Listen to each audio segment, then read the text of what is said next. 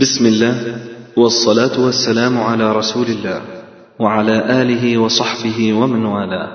أما بعد فيسر إخوانكم في تسجيلات السلف الصالح للصوتيات والمرئيات والبرمجيات بالإسكندرية أن يقدموا لكم هذا الإصدار والذي هو بعنوان سلسلة دين الحقد والخرافة لفضيلة الشيخ الدكتور محمد إسماعيل.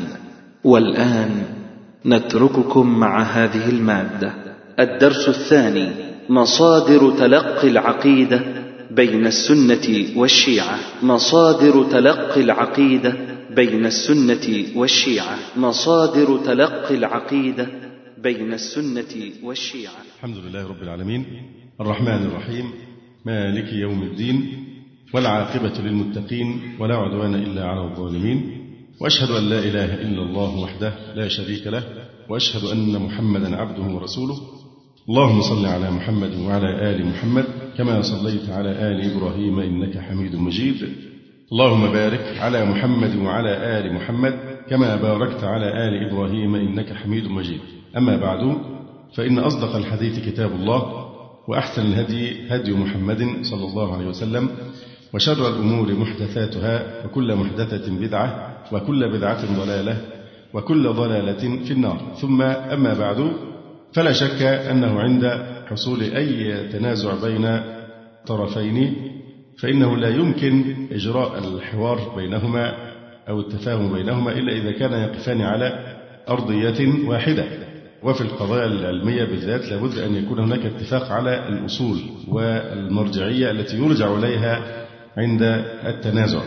ولله در العلامة القرآني الشيخ محمد الأمين الشنقيطي رحمه الله تعالى فقد أتاه وفد من الروافض الشيعة للتفاوض معه والتناقش في قضايا الخلاف فرفض الشيخ أن يتحاور معه. وقال لهم كيف أتحاور معكم وأنتم لكم أصول ولنا أصول؟ وبعبارة أخرى لكم دينكم ولي دين. ثم إنكم فوق ذلك أهل كذب ونفاق. يعني هذه الجملة تشرح في مجلدات. الشيخ رحمه الله تعالى أتى بالخلاصة الموقف الذي ينبغي أن يكون مع هؤلاء. فقوله أولا كيف أتحاور معكم وأنتم لكم أصول ولنا أصول؟ لأن المختلفين حتى لو كان أحدهما مبتدعا لكنه يحترم أصول العلم فإنه يمكنك أن تلزمه بنفس الأصول في أثناء المحاورة. أما إذا كان جاهلا أو يهيم في فراغ أو يختلف معك في الأصول فما أصدق الكلمة التي حكيت عن الشافعي رحمه الله تعالى أنه قال يعني نظرت عشرة علماء فغلبتهم ونظرني جاهل فغلبني. ودي تلمسها أنت في الواقع العملي حينما يناقشك شخص جاهل لا رائحة عنده للعلم أصلا ما شم رائحة العلم. ويناقشك مناقشات يهيم في فراغ بدون خطام ولا زمام ولا يضبطه ضابط ويلقي الشبهات هكذا فطبعا هذا لا تستطيع أن تلتقي معه. لكن إن نظرت مع عالم حتى لو اختلفت ما دامت الأصول واحدة فإنه يمكن يعني الوصول إلى شيء من الإنجازات. كيف أتناظر معكم؟ أنتم لكم أصول ولنا أصول. وبعبارة أخرى أنتم لكم دينكم ولنا دين. ثم إنكم فوق ذلك أهل كذب ونفاق. يعني لا تستطيع مع الرافضي أن تجزم بحقيقة موقفه. لأن الكذب عندهم والتقية جزء أساسي في دينهم ما تأمن أن هذا الذي يظهره هو فعلا الذي يبطنه. وإنما عندهم التقرب إلى الله سبحانه وتعالى بالكذب وبالتقية وكلما كان أمعن في التقية وفي الكذب كلما يعني كان أجدر بالانتساب لهذا المذهب كما سنبين ذلك إن شاء الله تعالى بالتفصيل. فقول الشيخ الشنقيطي لكم أصولكم ولنا أصولنا هذا هو ما نتناقش فيه هذا المساء وهو توضيح مصادر أهل السنة والجماعة في تلقي العقيدة كما تناولها الدكتور ناصر ابن عبد الله القفاري في كتابه المبارك مسألة التقريب بين أهل السنة والشيعة. يقول سنتناول في هذا المبحث جانبين الأول الإشارة إلى مصادر أهل السنة في اعتقادهم يعني أصول التلقي للعقيدة كيف يحصل ذلك. لأنه إذا حصل اتفاق في أصول التلقي فلا شك أن هذا يجمع ويوحد. أما إذا حصل الافتراق يعني اختلاف في هذه الأصول فيحصل بلا شك يعني الافتراق. الجانب الثاني الذي سيتناوله كشف المصادر المنسوبة لأهل السنة وهي ليست كذلك. وتعرية مسالك الروافض في استدلالهم من طريق السنة. يقول إن من يطالع ما يكتبه كثير من الشيعة.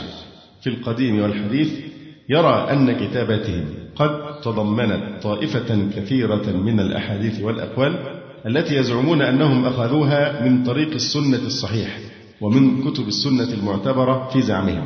وبنوا على ذلك أن في مصادر أهل السنة ما يؤيد مذهب الشيعة ويؤكد أحقيته. ومن هنا زعموا ألا خلف بين الاتجاهين. فهل هذه المصادر معتبرة لدى أهل السنة؟ وهل ما يزعمه الشيعة في هذا الباب صحيح؟ هذا ما سوف يوضحه إن شاء الله تعالى. كم من كتاب تناول أشياء فيها حط على بعض الصحابة كالإمامة والسياسة المنسوب لابن قتيبة مثلا. كم من الكتب الرائجة عند أهل السنة وهي فيها طعن في الصحابة رضي الله عنهم ومتأثرة بالروافد ككتاب العقد الفريد مثلا لابن عبد ربه. وشخصيات يعني سوف نتناولها سيد هي الكتب إما أنها منحولة على أصحابها وإما أنهم ليسوا من أهل السنة. فيذكر أولا مصادر أهل السنة وينقل كلام الإمام البيهقي رحمه الله تعالى يقول فأما أهل السنة فمعولهم فيما يعتقدون الكتاب والسنة وقدوتهم العملية صحابة رسول الله صلى الله عليه وسلم. قال الإمام أحمد رحمه الله أصول السنة عندنا التمسك بما كان عليه أصحاب رسول الله صلى الله عليه وسلم والاقتداء بهم وترك البدع. وكثير من طوائف البدع يدعون الرجوع إلى الكتاب والسنة لكن الادعاء غير الواقع. ذلك أنهم اختلقوا كثيرا من الأحاديث فسروا في ضوئها كتاب الله وتأولوا كثيرا من آيات الله على غير وجهها فنتج عن تفسيرهم المنحرف وتأويلهم المتعسف قرآن آخر غير الذي في أيدي المسلمين. وبعض أهل البدع يركن في تلقي عقيدته إلى العقل ولا يعول على النصوص أو يلتفت إليها. حتى لو كان هناك بعض الناس منتسبون اسما إلى أهل السنة. ثم إنهم انحرفوا في هذا الباب سواء في جانب الاعتماد على القرآن والسنة بفهم السلف أو الصحابة أو أنهم يعتمدون العقل كميزان في اعتماد العقل كمصدر من مصادر تلقي العقيدة والحكم على النصوص بالعقل. فحتى لو بعض المنتسبين لأهل السنة انحرف هذا الانحراف فإنه لا يصح أن يحتج على أهل السنة بأن فلانا قال كذا وكذا لأن الانتماء إلى أهل السنة ليس انتماء بالوراثة. ليس انتماء وراثيا أو نسبا أو ادعاء أو تسمية ولكن هو ما صدقه الواقع وحققه العمل. انتماء لأهل السنة لابد أن تحترم منهج أهل السنة وتتمثل هذا المنهج فالعبرة ليست بالادعاء أو التسمية وإنما فيما صدقه الواقع وحققه العمل والقدوة في ذلك رسول الله صلى الله عليه وسلم ورصيد التجربة المثلى تجسد في مجتمع الصحابة رضي الله تعالى عنهم أجمعين. وتنفرد طائفة الشيعة بأنها تتلقى السنة من أئمة مع الرسول صلى الله عليه وسلم. فالسنة عندهم هي قول المعصوم. السنة ليست قول رسول الله صلى الله عليه وسلم فحسب. إنما السنة هي قول المعصوم. والمعصوم ليس فحسب رسول الله صلى الله عليه وسلم. كما هو اعتقاد أهل السنة. بل ادعوا العصمة لآخرين تختلف أعدادهم وأعيانهم باختلاف الفرق الشيعية. فطبعا ده نقطة افتراق خطيرة جدا. السنة عندنا كما ذكرنا. أما السنة عندهم حتى القرآن سترون كيف انحرفوا في تفسير القرآن الكريم بطريقة فيها ضلال مبين وإغراق في الانحراف والعمى عن الهدى وعن الحق. إن الله يأمركم أن تذبحوا بقرة يقولون عائشة استغفر الله. ويؤمنون بالجبت والطاغوت يقول الجبت والطاغوت أبو بكر وعمر. وهكذا. يعني حرفوا معاني القرآن الكريم تحريفا شديدا وسنرى موقفهم المنكور من حجية القرآن الكريم الذي بأيدينا وطعنهم في صحة القرآن الكريم. ففي أصول بعد كده يعني الناس اللي بتضلل المسلمين إلى اليوم عن سبق إصرار وترصد. إن إحنا الشيعة ده إحنا إخوات ده إحنا الفرق بين الشيعي والسني زي الاختلاف بين المالكي والحنبلي والشافعي والحنفي وما تمسش قضايا الأصول ويجوز التعبد بمذاهب الشيعة ويجعل مذهبا خامسا فهذا تضليل متعمد للحقيقة لأنه لا يخفى يعني على عالم ما عليه هؤلاء القوم من ضلال وانحراف في أصول الدين. فأول أصل بنختلف فيه الموقف من القرآن الكريم. ثم السنة عندنا هي ما سبق أن شرحناه الأسبوع الماضي. أو ما هو معروف. أما السنة عندهم فهي ليست فقط قول رسول الله صلى الله عليه وسلم وإنما السنة هي قول المعصوم والمعصوم بجانب رسول الله عليه السلام أئمتهم. طبعا بعضهم يعدهم اثنى عشر إماما وبعضهم يختلف في العدد حسب اختلاف يعني الفرق. ويزعمون أن هؤلاء الأئمة معصومون. يقول أما أهل السنة فالمصدر الأول في التلقي عندهم هو كتاب الله تعالى. وقد أجمعوا على حفظ الله له من النقص والزيادة والتحريف على ما هو صريح قول الله تبارك وتعالى إنا نحن نزلنا الذكر وإنا له لحافظون. وسلكوا في تفسير كتاب الله تعالى المسلك الشرعي وابتعدوا عن التأويلات البعيدة والتكلفات الغريبة على ما لا تسيغه بلاغة القرآن وأسرار الشريعة ولغة العرب. وقال أهل السنة وأحسن الطرق في التفسير تفسير القرآن بالقرآن وإلا فبالسنة وإلا فبالصحيح من أقوال الصحابة وإلا فبما أجمع التابعون عليه. وحذروا من قبول المرويات الضعيفة في التفسير فقالوا يجب الحذر من الضعيف والموضوع فإنه كثير. وقالوا والمنقولات التي يحتاج إليها في الدين قد نصب الله الأدلة على بيان ما فيها من صحيح وغيره. والمصدر الثاني عند أهل السنة هو السنة وهي المبينة للكتاب الكريم إذ هي سنة المعصوم رسول الله صلى الله عليه وسلم وليس لأحد بعده عصمة صلى الله عليه وآله وسلم. وقد تلقى الصحابة رضوان الله عليهم ما جاء به النبي صلى الله عليه وسلم ونقلوه إلى الأمة. ويتمثل وجود السنة في دواوين الإسلام المعروفة والمشهورة مثل صحيحي البخاري ومسلم وكتب السنن كسنن أبي داود والترمذي والنسائي وابن ماجه والدارمي وموطأ مالك ومثل المسانيد المعروفة كمسند الإمام أحمد وغيره إلى غير ذلك من مدونات الحديث الكبرى والتي هي أشهر من أن يعرف بها. وهناك مدونات خاصة بالعقيدة. طبعا موضوع الأسانيد عندنا عند أهل السنة شيء أساسي جدا في هذه المسألة. يعني يجب أن يكون كل واحد على يقين أن حينما نقول عقيدة السلف هي كذا وكذا فعقيدة ذات نسب عريق ومثبت وواضح وضوح الشمس عن طريق الأسانيد. فكتب السنة اشتملت على كثير من مسائل العقيدة البخاري ومسلم والسنن كلهم مليئة بأبواب العقيدة فهذه جذور عقيدتنا.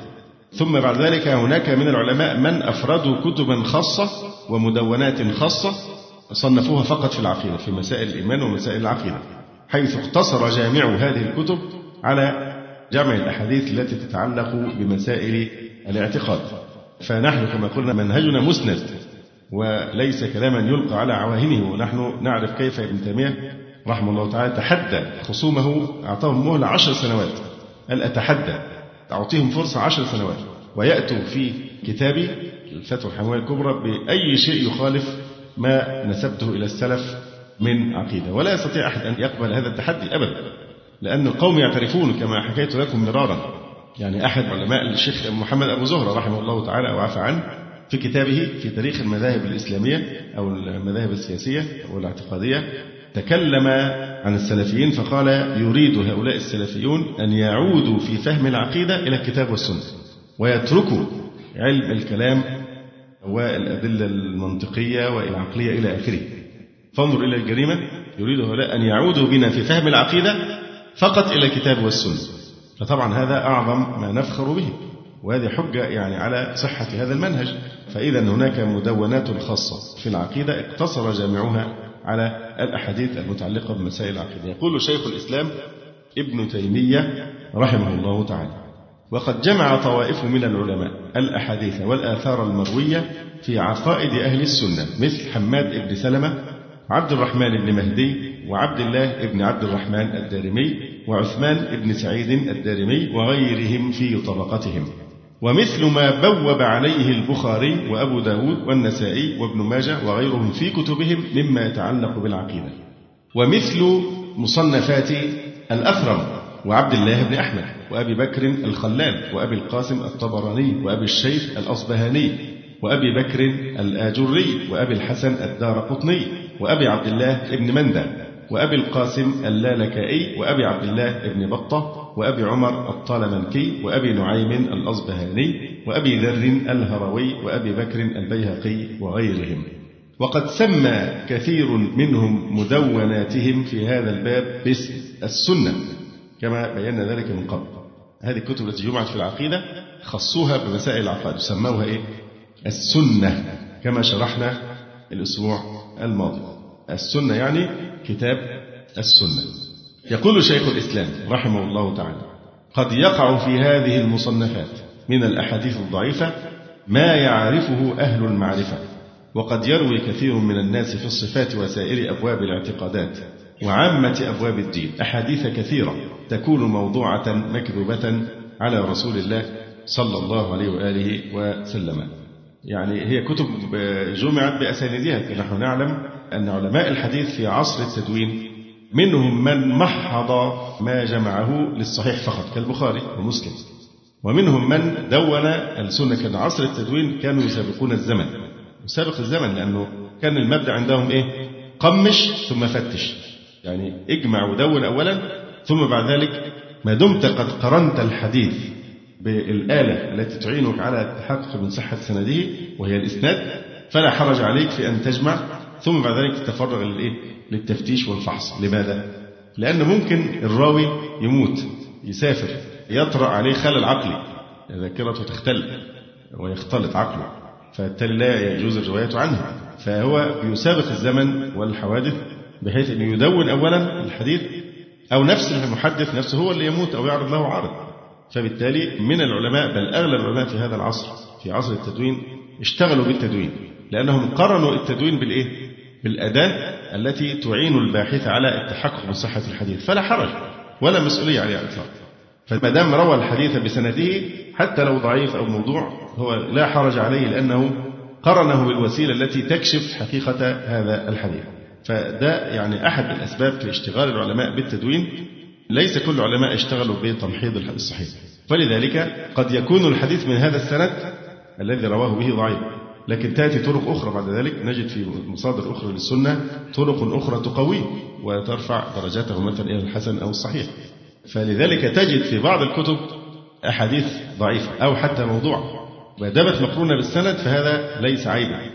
وهذه النقطة قد أشرنا إليها من قبل في كلام عند البحث البهدي وقد أقام الله سبحانه وتعالى من يحفظ سنة نبيه صلى الله عليه وسلم ويعنى بتمييز صحيحها من غيره ويضع المقاييس والضوابط لذلك. وقامت دراسات دقيقة ومحكمة لمتون الأحاديث وأسانيدها حتى أصبحت هناك إمكانية لمعرفة الأحاديث الصحيحة من غيرها. واطمأن المسلمون على سنة نبيهم صلى الله عليه وسلم.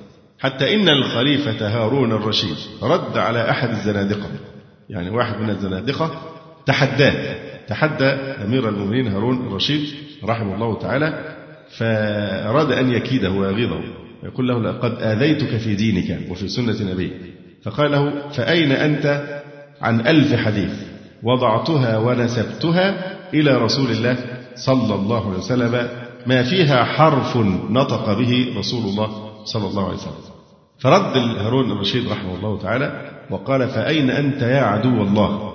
من أبي إسحاق الفزاري وعبد الله بن المبارك ينخلانها نخلا فيخرجانها حرفا حرفا فأين أنت يا عدو الله؟ من أبي إسحاق الفزاري. دول اللي كانوا معاصرين له من علماء الحديث أو بعضهم. فأين أنت يا عدو الله؟ من أبي إسحاق الفزاري وعبد الله بن المبارك ينخلانها نخلا فيخرجانها حرفا حرفا ولقد كان الأئمة في الحديث يعرفون الأحاديث بطرقها وأسانيدها بحيث لو روي حديث بغير سنده وطريقه لعرفوا أنه قد حرف عن موضعه.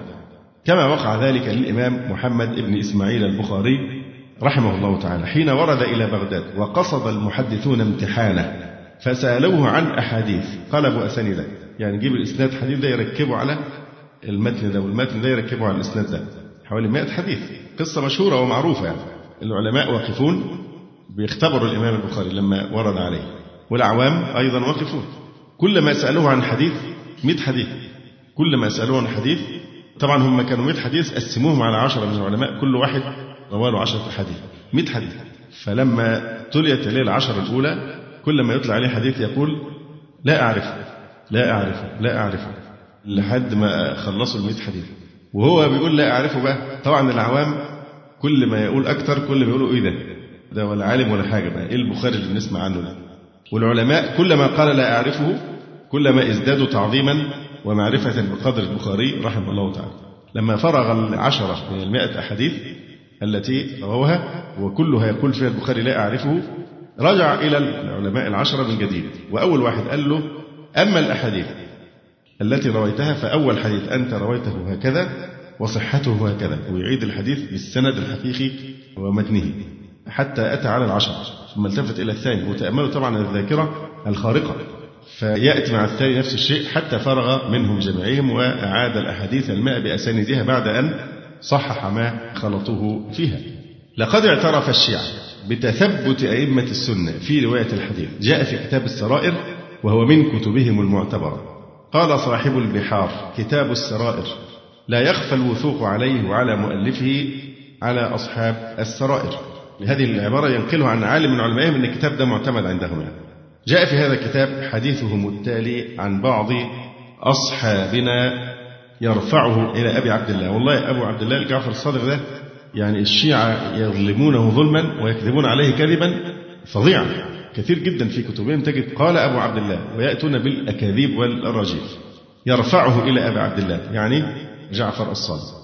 وفيه أي راوي الحديث يسأل أبا عبد الله هؤلاء هؤلاء يعني أئمة السنة يأتون بالحديث مستويا كما يسمعون وإنا ربما قدمنا وأخرنا وزدنا ونقصنا. فهذا اعتراف منهم بأن أهل السنة يتقنون رواية الأحاديث هؤلاء يأتون بالحديث مستويا كما يسمعون. وإن الروافض الشيعة وإن ربما قدمنا وأخرنا وزدنا ونقصنا. فهذا إقرار واعتراف منهم بخيانتهم في نقل النصوص واعتراف بأمانة أهل السنة ودقتهم في ذلك. ولا شك أن جهود أهل السنة في علم الحديث ليست بحاجة لهذا الاعتراف من أكذب خلق الله وهم الشيعة لكن قيمة هذا الاعتراف أنه صادر عن المخالف. وإنصاف المخالف أشد وقعا في النفس من إنصاف الموافق. ولأن في هذا وأمثاله ما يلجم محارب السنة من الروافض المعاصرين من كتبهم. هذا فيما يتعلق بالجانب الأول باختصار وهو ما ذكره من بداية الكلام أنه يشير إلى مصادر أهل السنة في اعتقادهم.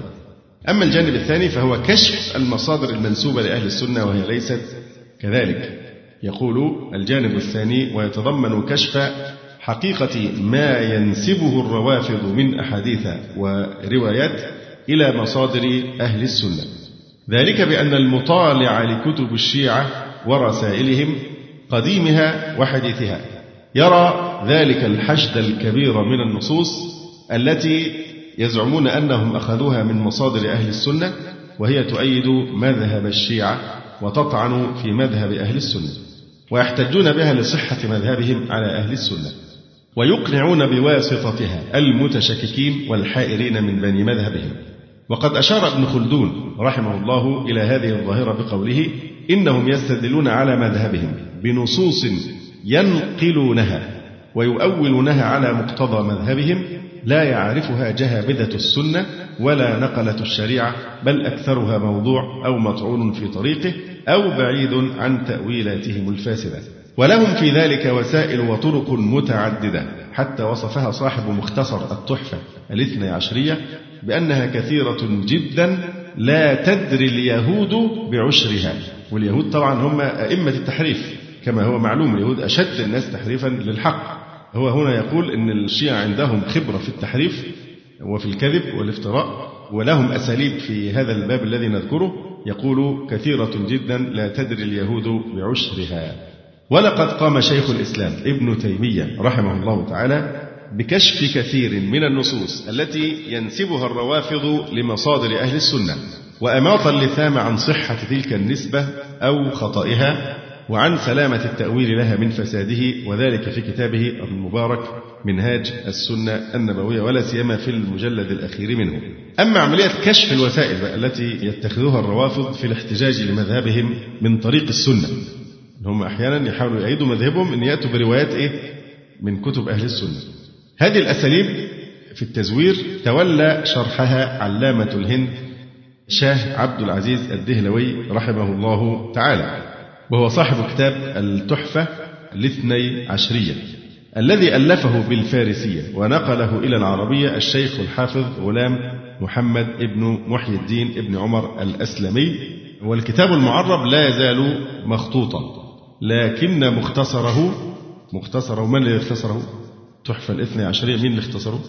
علامة العراق العلامة الكبير الشيخ محمود شكري الآلوسي رحمه الله تعالى هذا مطبوع ومشهور موجود هذا الكتاب مطبوع كذلك فعل شيخ العلماء الأعلام فريد عصره ووحيد دهره كما يصفه الألوسي الشيخ محمد الشهير بخواجة نصر الله الهندي المكي فأماط اللثام عن كثير من تلك الوسائل والمعابر التي يتقنع بها الروافض لتمرير الأفكار الأجنبية تحت ستار الاحتجاج من مصادر أهل السنة. وذلك في كتابه الصواقع المحرقة. وقد اختصره الشيخ محمود الألوسي وسماه السيوف المشرقة في مختصر الصواقع المحرقة. والشيخ السويدي رحمه الله تعالى. كشف أيضا مجموعة من تلك المحاولات الرافضية في رسالة له بعنوان نقد عقائد الشيعة. إذا الموضوع يحتاج إلى دراسة وعناية وتفصيل الكلام فيه يحتاج وقتا أكثر لكن هنا سوف نشير إلى شيء وعينات من وسائلهم ونؤكد في البداية على أهمية الدراسة الواعية المستوفية لهذه المسألة وإبراز هذه الوسائل بالوقائع والأرقام. لمواجهة مسيرة الافتراق والتفريق وإثارة الأحقاد والفتن التي كنا نظن أنها قد ولت فإذا بنا نفاجأ أنها مستمرة على صورة أشد وأنكى مما كانت. ومطابع الروافض تقذف سنويا مجموعة كبيرة من الكتب والرسائل التي تحوي فيما تحوي ذلك اللون وهو الاحتجاج لمذهب السنة من طريق السنة. وبهذه الوسيلة يضلون قومهم عن سواء السبيل. أما وسائلهم وطرقهم الخفية في الاحتجاج من طريق السنة فمنها ما يقوله الشيخ عبد الله السويدي رحمه الله تعالى. يقول إن بعض علمائهم اشتغلوا بعلم الحديث وسمعوا الأحاديث من ثقات المحدثين من أهل السنة وحفظوا أسانيد أهل السنة الصحيحة وتحلوا في الظاهر بحلي التقوى والورع بحيث كانوا يعدون من محدثي أهل السنة. فكانوا يروون الأحاديث صحاحا وحسانا ثم أدرجوا أضافوا بقى هم أدرجوا في تلك الأحاديث موضوعات مطابقة لمذهبهم.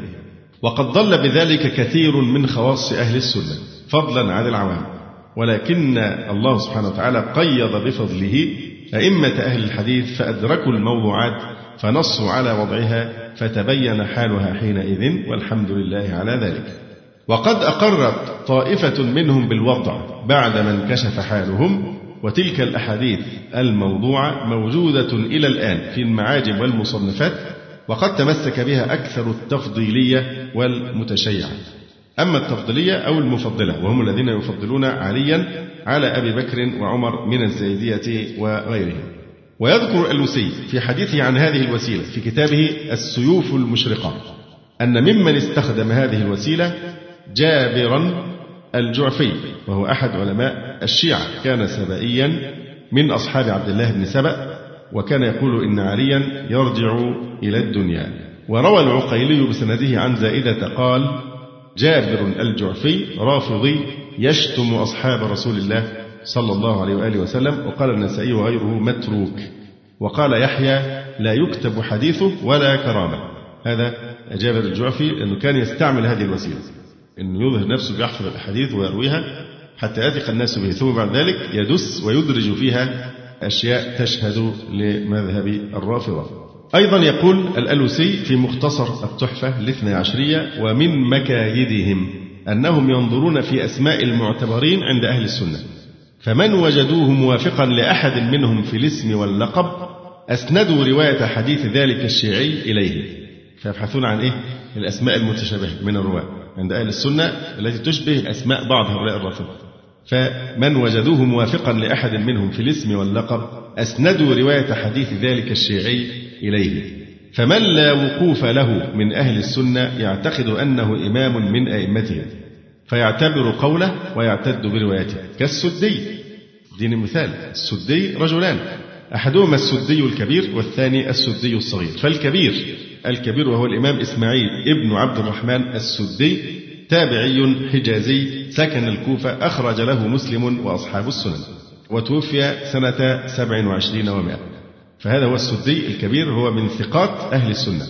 أما السدي الصغير فهو من الوضاعين الكذابين وهو رافضي غال وكابن قتيبة رجلان أحدهما عبد الله بن قتيبة رافضي غال وعبد الله ابن مسلم ابن قتيبة من ثقات أهل السنة وهو صاحب كتاب تأويل مختلف الحديث والمعارف والرد على الشعوبية ومشكل القرآن ونحو ذلك. وعبد الله بن مسلم ابن قتيبة من ثقات أهل السنة وقد صنف كتابا سماه بالمعارف فصنف ذلك الرافضي كتابا وسماه بالمعارف أيضا. نفس الاسم قصدا للإضلال. ومن ذلك محمد ابن جرير الطبري رجلان. أحدهما الإمام السني المشهور صاحب التفسير والتاريخ الإمام الطبري المعروف والآخر محمد ابن جرير ابن رستم الطبري من أئمة الروافض. هذا التشابه في اسم ابن جرير ألحق بعض الإساءة فيذكر ابن كثير أن بعض العوام اتهمه بالرفض وطعن إليه بالإلحاد. وأشار إليه أنه نسب إليه كتاب عن حديث غدير خمر يقع في مجلدين ونسب إليه القول بجواز مسح القدمين في الوضوء. ثم قال ابن كثير ومن العلماء من يزعم أن ابن جرير اثنان أحدهما شيعي وإليه ينسب ذلك وينزهون أبا جعفر عن هذه الصفات. فهذا هو التوضيح فعلا إن هم اثنين في ابن جرير محمد بن جرير الطبري الإمام الجليل صاحب التاريخ الطبري وصاحب تفسير المشهور وهو أقوى كتاب تفسير في الوجود وأفضل كتاب تفسير على الإطلاق. فهو إمام وشيخ المفسرين رحمه الله. أما الآخر فهو محمد ابن جرير ابن رستم الطبري من أئمة الروافض. وهناك رفضي آخر يسمى بأبي جعفر الطبري وهو أبو جعفر محمد ابن أبي القاسم ابن علي الطبري من علماء الإمامية في القرن السادس. فممكن برضه يأتي لأن الإمام ابن جرير كنيته إيه؟ أبو جعفر أبو جعفر الطبري وهذا الرافضي أيضا يدعى أبا جعفر الطبري هناك أيضا ابن بطة اثنان ابن بطة السني وينطق بفتح الباء وابن بطة الشيعي وهو بضم الباء وطبيعي أن تتشابه الأسماء والكنى والألقاب ولكن من غير الطبيعي أن يستغل هذا التشابه في القيام بدس فكري رخيص.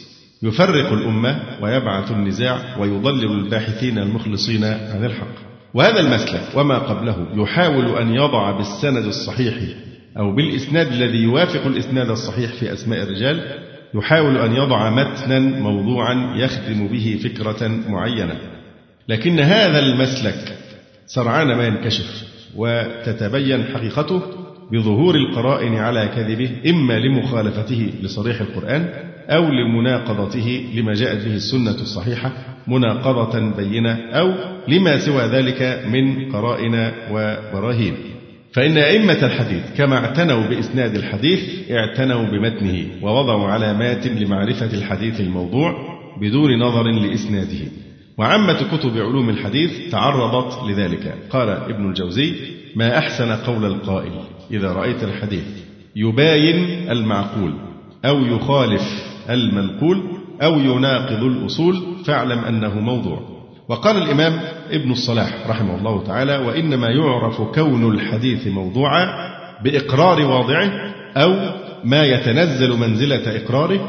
وقد يفهمون الوضع من قرينة حال الراوي أو المروي فقد وضعت أحاديث طويلة يشهد بوضعها ركاكة ألفاظها ومعانيها. وقال ابن دقيق العيد رحمه الله تعالى وأهل الحديث كثيرا ما يحكمون بالوضع باعتبار أمور ترجع إلى المروي وألفاظ الحديث. يعني ليس فقط من جهة الإيه؟ السند لكن ينظرون أيضا للمتن وأهل الحديث كثيرا ما يحكمون بالوضع باعتبار أمور ترجع إلى المروي وألفاظ الحديث. وحاصله يرجع إلى أنه حصلت لهم. لكثرة محاولة ألفاظ رسول الله صلى الله عليه وسلم هيئة نفسانية أو ملكة يعرفون بها ما يجوز أن يكون من ألفاظ النبي صلى الله عليه وسلم وما لا يجوز أن يكون من ألفاظه صلى الله عليه وآله وسلم. وقال أبو الحسن علي بن عروة الحنبلي إيه أشهر كتاب لابن عروة؟ كواكب الدراري ده كتاب له ثقل كبير. إيه خطورة الكتاب أهمية كتاب كواكب الدراري. في ترتيب مسند الإمام أحمد على أبواب البخاري. أهمية الكتاب ده إيه؟ له أهمية كده تاريخية هو هذا الكتاب الإمام ابن عروة الحنبلي رحمه الله تعالى رتب فيه أحاديث مسند الإمام أحمد على أبواب البخاري من حيث المواضيع. ثم ألحق عند كل مناسبة شيئا من مصنفات ابن تيمية فيما يتعلق بهذه المناسبة. فصار الكتاب أحد مصادر التي من خلالها نصل إلى مصنفات شيخ الإسلام ابن تيمية. وقال أبو الحسن علي بن عروة الحنبلي القلب إذا كان تقيا نظيفا ذكيا كان له تمييز بين الحق والباطل والصدق والكذب والهدى والضلال ولا سيما إذا كان قد حصل له إضاءة وذوق من النور النبوي. فإنه حينئذ تظهر له خبايا الأمور ودسائس الأشياء والصحيح من السقيم. ولو ركب على متن ألفاظ موضوعة على الرسول لو ركب عليه إسناد صحيح أو على متن صحيح إسناد ضعيف لميز ذلك وعرفه فإن ألفاظ الرسول صلى الله عليه وسلم لا تخفى على عاقل ذاقها. وقال الربيع بن خثيم رحمه الله تعالى والربيع بن خثيم هو الذي قال له المسعود لو رآك الرسول صلى الله عليه وسلم لأحبك. يقول الربيع بن خثيم التابعي الجليل إن من الحديث حديثا له ضوء كضوء النهار يعرف وإن من الحديث حديثا له ظلمة كظلمة الليل ننكره.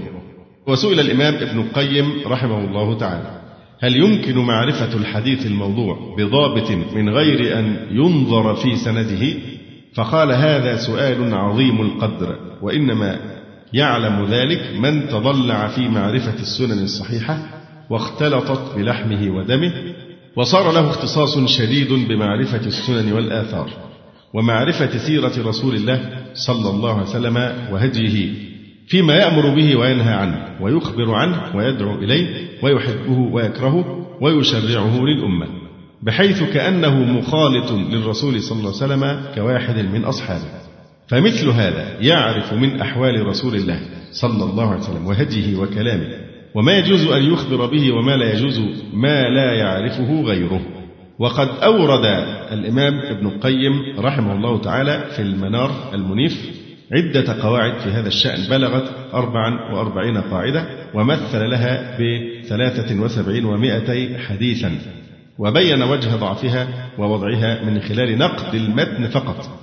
بغير نظر إلى السند في الكتاب اللي هو إيه؟ المنار المنيف في التمييز بين الصحيح والضعيف. يذكر شاه عبد العزيز الدهلوي أيضا أن من وسائل الروافض في هذا التزوير أنهم ينسبون بعض الكتب لكبار علماء السنة مشتملة على مطاعن في الصحابة رضي الله تعالى عنهم ومشتملة على بطلان مذهب أهل السنة. ويمثل لذلك الكتاب اسمه سر العالمين. ويقول إنهم نسبوه إلى الإمام أبي حامد الغزالي رحمه الله.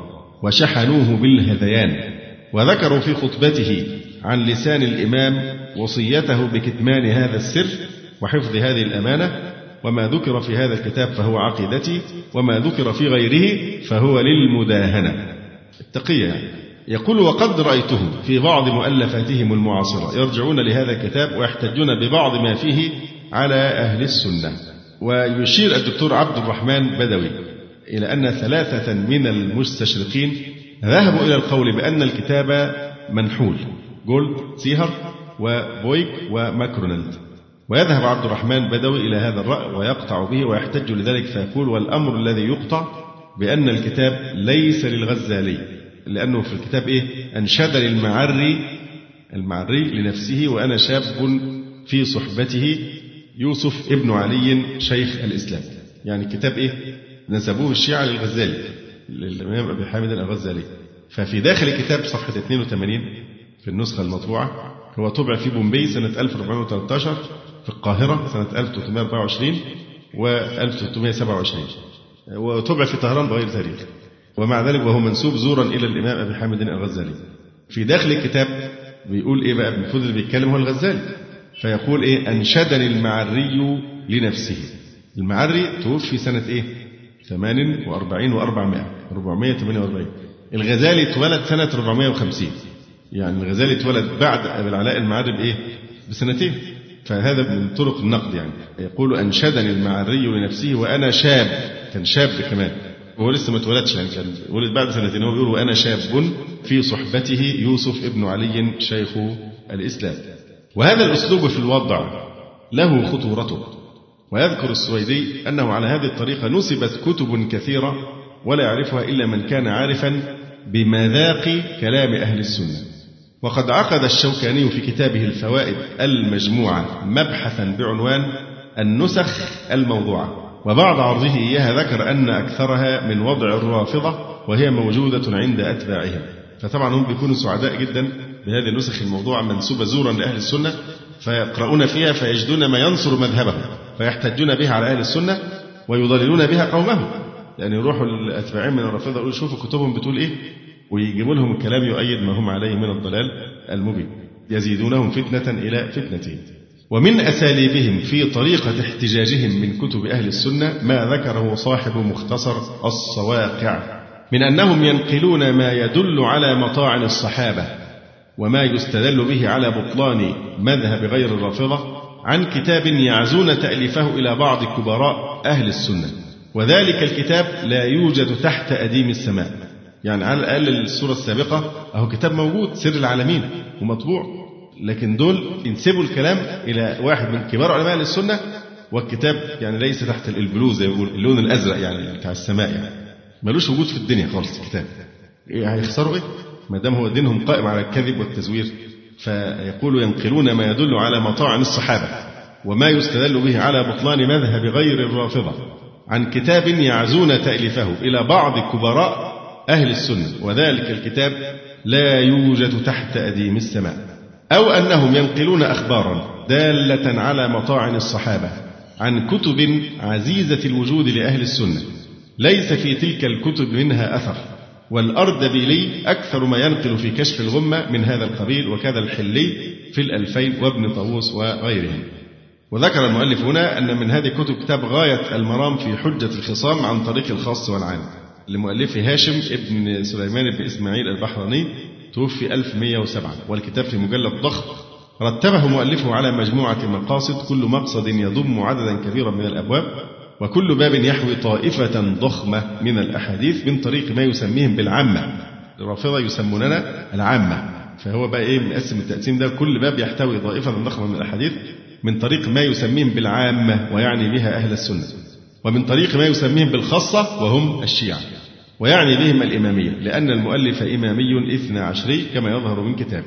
والمقصود أن كثيرا من الأحاديث التي ينسبها لأهل السنة ليس لها وجود ولا أثر في مصادر السنة المعتبرة. ويرى الأستاذ موسى جار الله بحق أن هذا كتاب اللي هو كتاب غاية المرام في حجة الخصام عن طريق الخاص والعام. الخاص هم الإمامية الشيعة والعام اللي هم عوام أهل السنة. فيجيب الأحاديث وينسبه لمصادر أهل السنة ولا أصل له في كتب أهل السنة. يقول موسى جار الله إن هذا الكتاب يعتبر عارا وسبة للشيعة الإمامية. ولكننا مع الأسف نجد بعض مراجع الشيعة اليوم ترى أن هذا الكتاب موضع الفخر ويأخذون منه ويحتجون به على أهل السنة على الرغم من أن عنصر الكذب في هذا الكتاب لا يخفى على صغار المتعلمين. وأجدني لست بحاجة إلى النقل من أحاديثه الكاذبة فهي لا حد لها. وأكتفي بأن أشير إلى طائفة من أبوابه الخاصة بالأحاديث التي جاءت عن طريق من يسميهم بالعامة لنعلم إلى أي مدى وصل الكذب والافتراء على السنة ومصادرها. فدي عينات من الكتاب. الباب السادس والأربعون في أن الأئمة الاثني عشر أركان الإيمان ولا يقبل الله جل جلاله الأعمال من العباد إلا بولايتهم عليهم السلام من طريق العامة. يعني بيثبت ده عن طريق أسانيد إيه؟ علماء أهل السنة. من طريق العامة أهل السنة وفيه ستة عشر حديثا ويجيب الأحاديث. يقول البحراني الباب الرابع والعشرون. في أن الأئمة بعد رسول الله اثنا عشر بالنص من رسول الله إجمالا وتفصيلا. وهم علي وبنوه الأحد عشر وهم الأئمة الاثنى عشر من طريق العامة. وفيه ثمانية وخمسون حديثا. ويذكر أحاديث منسوبة لإيه؟ لأهل السنة. الباب الأول في أنه لولا الخمسة الأشباح محمد رسول الله عليه الصلاة والسلام وعلي وفاطمة والحسن والحسين. ما خلق الله جل جلاله آدم ولا النار ولا العرش ولا الكرسي ولا السماء ولا الأرض ولا الملائكة ولا الإنس ولا الجن وأن رسول الله وعليا أمير المؤمنين خلق من نور واحد وخلق ملائكته من نور وجه علي من طريق العامة وفيه تسعة عشر حديثا.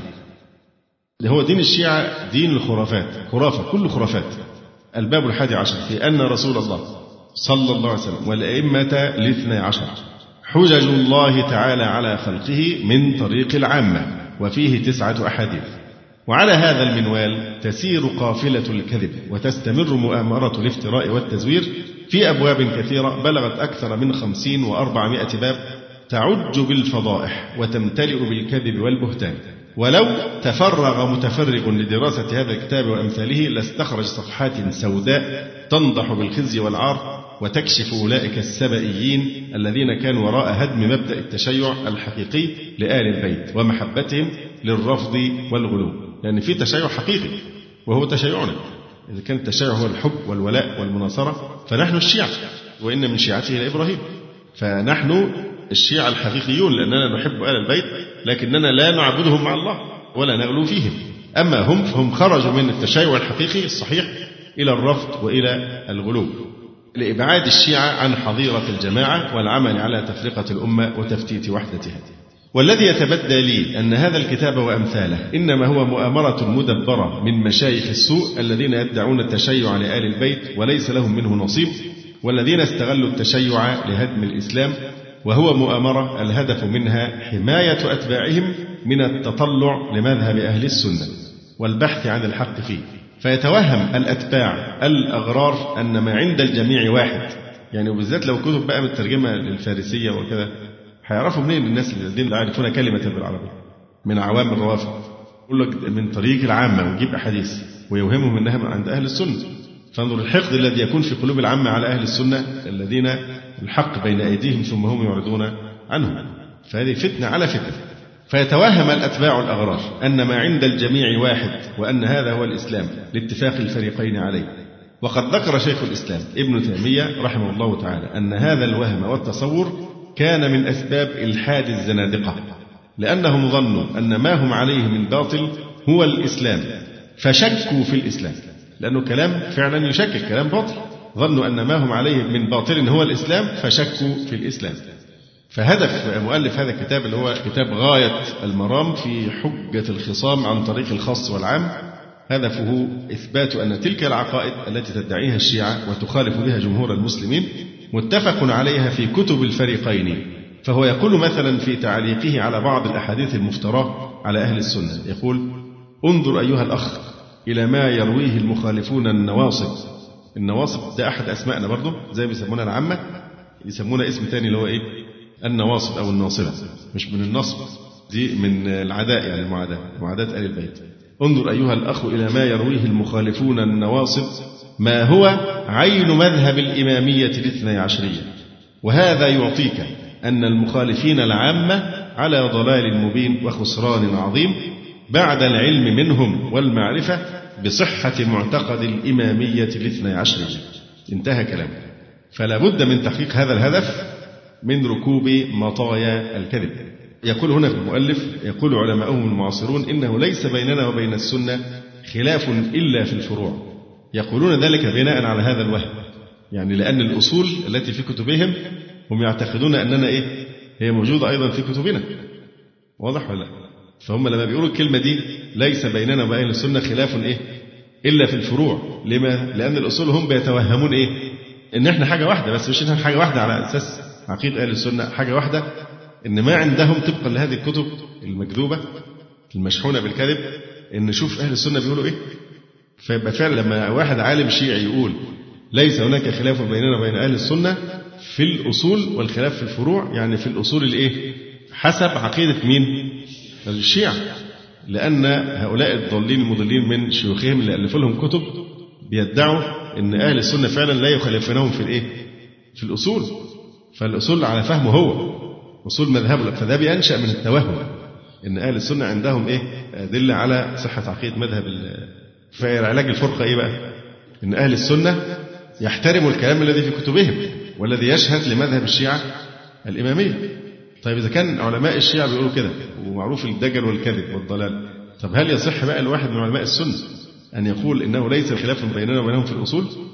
يقول الدكتور القفاري حفظه الله وإنني أرى أن هذا الكتاب وأمثاله سيعطي من يقرأه بعقل وإنصاف عكس ما يراد منه. فالقارئ حينما يقرأ ذلك الحشد من النصوص التي زعم المؤلف أنها جاء بها عن طريق السنة ويبحث عنها في كتب السنة المعتبرة فلا يرى لها وجودا ولا أثرا. سيخرج من ذلك بالشك في كل ما يأتي به القول. ولا أظن أن عاقلا سينخدع بهذه الوسيلة إلا من أعمى الله قلبه بالتعصب والهوى. وما كنا سنعير هذا الكتاب أي اهتمام لولا أن بعض مجتهد الشيعة المعاصرين اعتبره موضع الفخر. ثم يقول وقد رأيت من مؤلفاتهم المعاصرة كتابا يسمى الغدير ويقع في أحد عشر مجلدا لعبد الحسين ده من الأسماء الشائعة جدا عندهم عبد الحسين. لعبد الحسين الأميني النجفي من علمائهم المعاصرين يصفونه بالحبر العلم الحجة المجاهد. والكتاب متوج بالثناء والمديح من عدد من آياتهم المعاصرين محسن الحكيم عبد الحسين شرف الدين الموسوي السيد حسن الموسوي.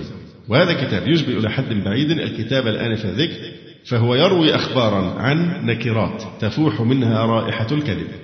ويجعلها هي الأصل ويخطئ على ضوئها علماء الأمة فابن كثير عنده يحرف الكلم عن مواضعه ويقذف الراوي بالضعف بغير دليل ويقول عن الإمام الطبري إنه يروي الأخبار محرفة في تفسيره ويقول عن الإمام البخاري إنه يخرم الحديث يخرم الحديث يعني يجي الحديث يقطعه عشان إيه؟ ياخد حتة توافق مذهبه وحتة تانية ضده فيشيلها يعني. يقول عن البخاري إنه يخرم الحديث ويعني بذلك حديثا أورده هذا الرافضي يتضمن الطعن في عمر رضي الله عنه صونا لمقام عمر. ويقول عن الإمام البيهقي وذكر يعني الحديث البيهقي ذكره محرفا. البيهقي وهو اللي حرفه. يعني هو شوف الكذب بتاعه قد إيه وجايين لعلمائنا أو أئمتنا إحنا بيتهموهم بالإيه؟ بالكذب والتحريف. ده دين محير الحقيقة دين الشيعة. وعن البغوي يقول وأخرجه البغوي في المصابيح غير أنه حذف صدر الحديث. وعن الذهبي يقول وذكره الذهبي في تذكرته محرفا وهكذا.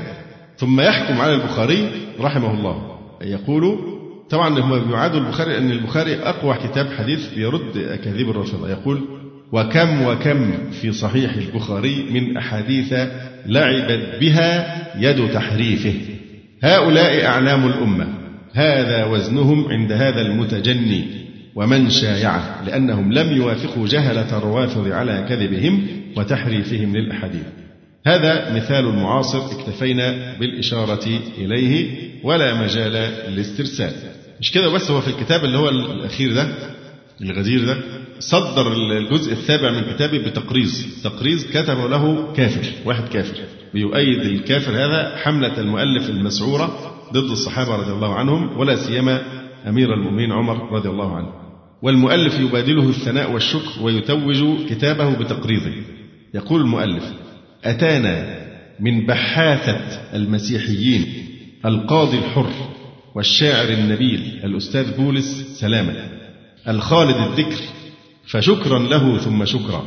أما بولس بقى فبيقول له وقد شرفتموني بإدراج رسالتي في المقدمة وقد اطلعت على هذا السفر النفيس فحسبت أن لآلي البحار قد اجتمعت في غديركم ولقد لفت نظري على الأخص ما ذكرتموه بشأن الخليفة الثاني فلله دركم ما أقوى حجتكم. فيعني الإيه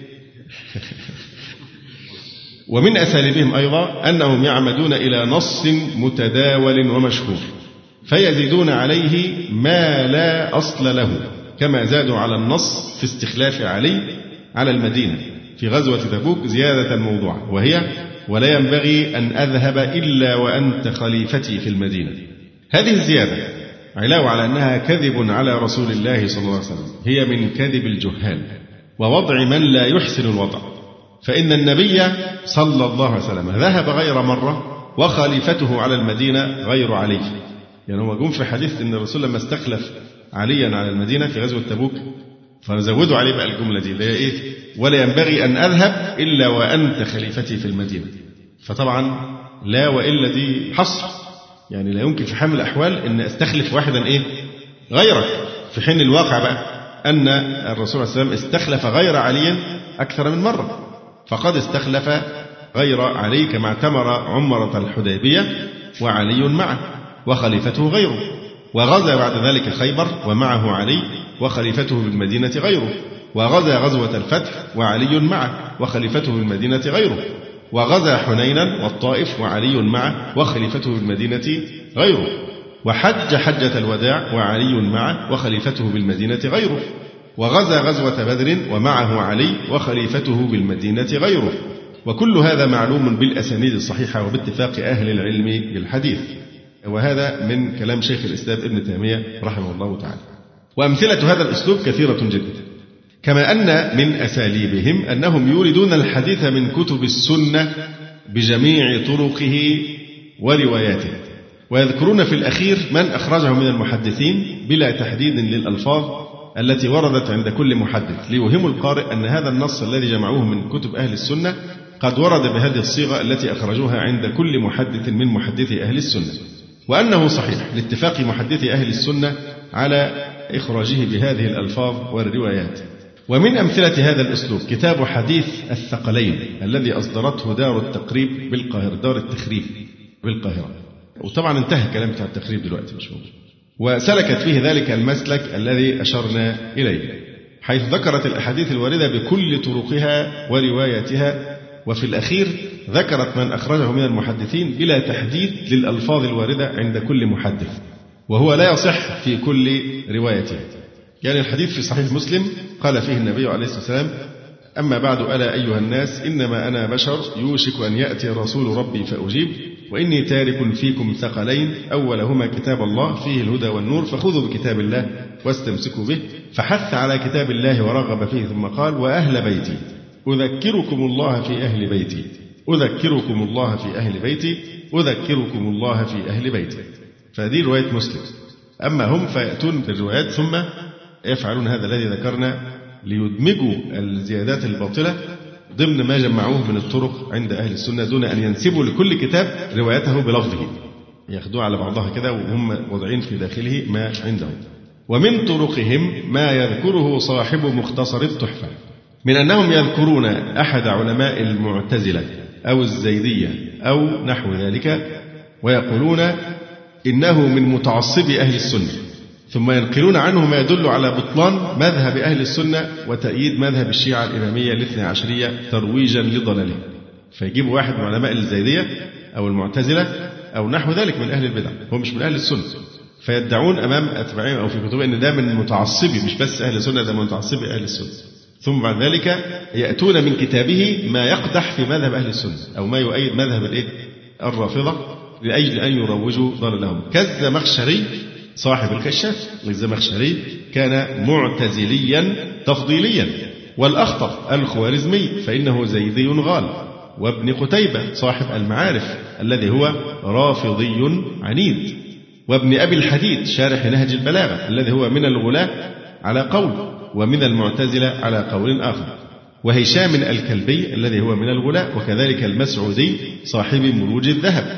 وأبي الفرج الأصفهاني صاحب كتاب الأغاني. وده من أسوأ الكتب.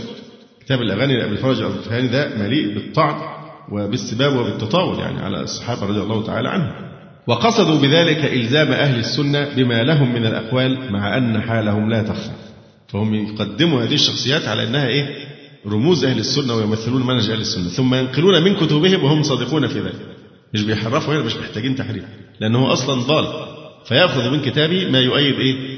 مذهبه فيخدع بذلك يعني ضحاياه.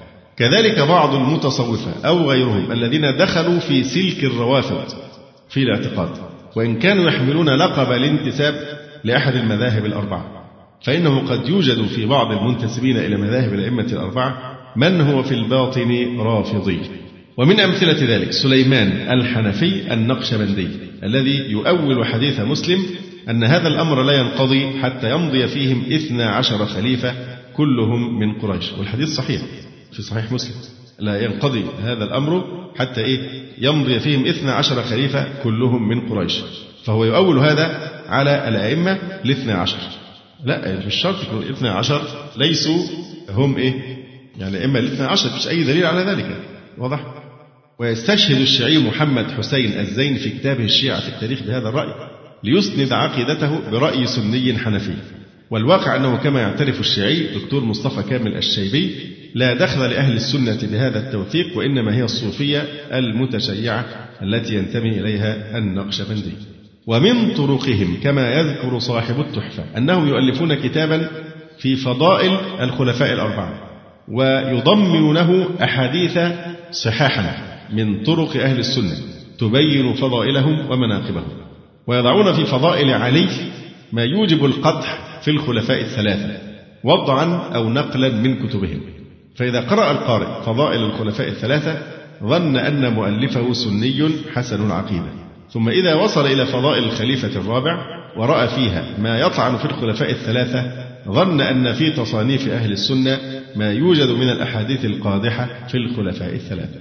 ومن أساليبهم الشائعة أنهم يستقون مادة احتجاجهم من المصادر التي تحوي الضعيف والموضوع ويدعون أنهم أخذوها من مصادر أهل السنة المعتبرة فضلا عن أنهم يزعمون في بعض الأحاديث الموضوعة أنها مما اتفقت عليه مصادر السنة والواقع خلاف ذلك.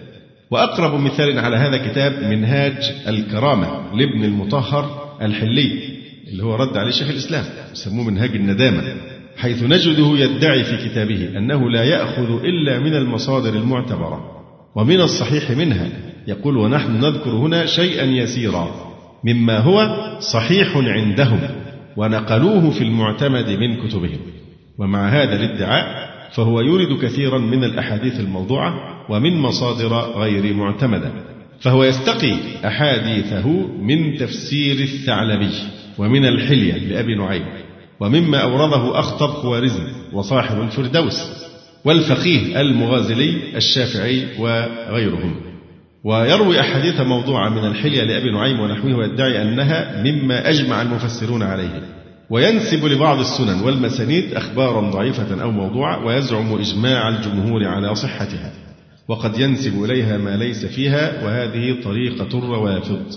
وقد كشف شيخ الإسلام ابن تيمية في منهاجه ولا سيما في المجلد الأخير وأورد تقويم أهل السنة لهذه الكتب التي ينقل منها الرافضي وأمثاله. ولا شك أن المرجع في تمحيص وتحقيق المنقول إنما يكون إلى أمناء حديث رسول الله صلى الله عليه وسلم. يعني كما نرجع في النحو إلى أربابه وفي القراءات إلى حذاقها وفي اللغة إلى أئمتها وفي الطب إلى علمائه. كذلك في الحديث نرجع إلى علماء الحديث. فلكل فن رجال وعلماء الحديث أجل وأعظم متحريا للصدق من كل أحد. علم ذلك من علم. فما اتفقوا على صحته فهو الحق وما أجمعوا على تزييفه وتوهينه فهو ساقط. وما اختلفوا فيه نظر فيه بإنصاف وعدل فهم العمدة كمالك وشعبة والأوزاعي والليث والسفيانين والحمادين وابن المبارك ويحيى القطان وعبد الرحمن بن مهدي ووكيع وابن عليا والشافعي وعبد الرزاق والفريابي وأبي نعيم والقعنبي والحميدي وأبي عبيد وابن المديني وأحمد وإسحاق وابن معين وأبي بكر بن أبي شيبة والذهلي والبخاري وأبي زرعة وأبي حاتم وأبي داود ومسلم وموسى بن هارون والنسائي وابن خزيمة وأبي أحمد بن عدي وابن حبان والدار قطني وأمثالهم من أهل العلم بالنقل والرجال والجرح والتعديل. من هنا نقول إنه لا يمكن الاعتماد على نقل الروافض من كتب أهل السنة. ما لم يكن هذا النقل صحيح النسبة للمنقول منه وموثقا من رجاله المختصين به. أكتفي بهذا القدر. أقول قولي هذا وأستغفر الله لي ولكم. سبحانك اللهم ربنا وبحمدك. أشهد أن لا إله إلا أنت. أستغفرك وأتوب إليك. وفي الختام تقبلوا تحيات إخوانكم في تسجيلات السلف الصالح بالإسكندرية. هاتف رقم صفر ثلاثة فاصل أربعة تسعة أربعة سبعة ستة خمسة اثنان. والتليفون محمول صفر عشرة واحد ستة أربعة واحد تسعة ثمانية صفر. والسلام عليكم ورحمة الله وبركاته.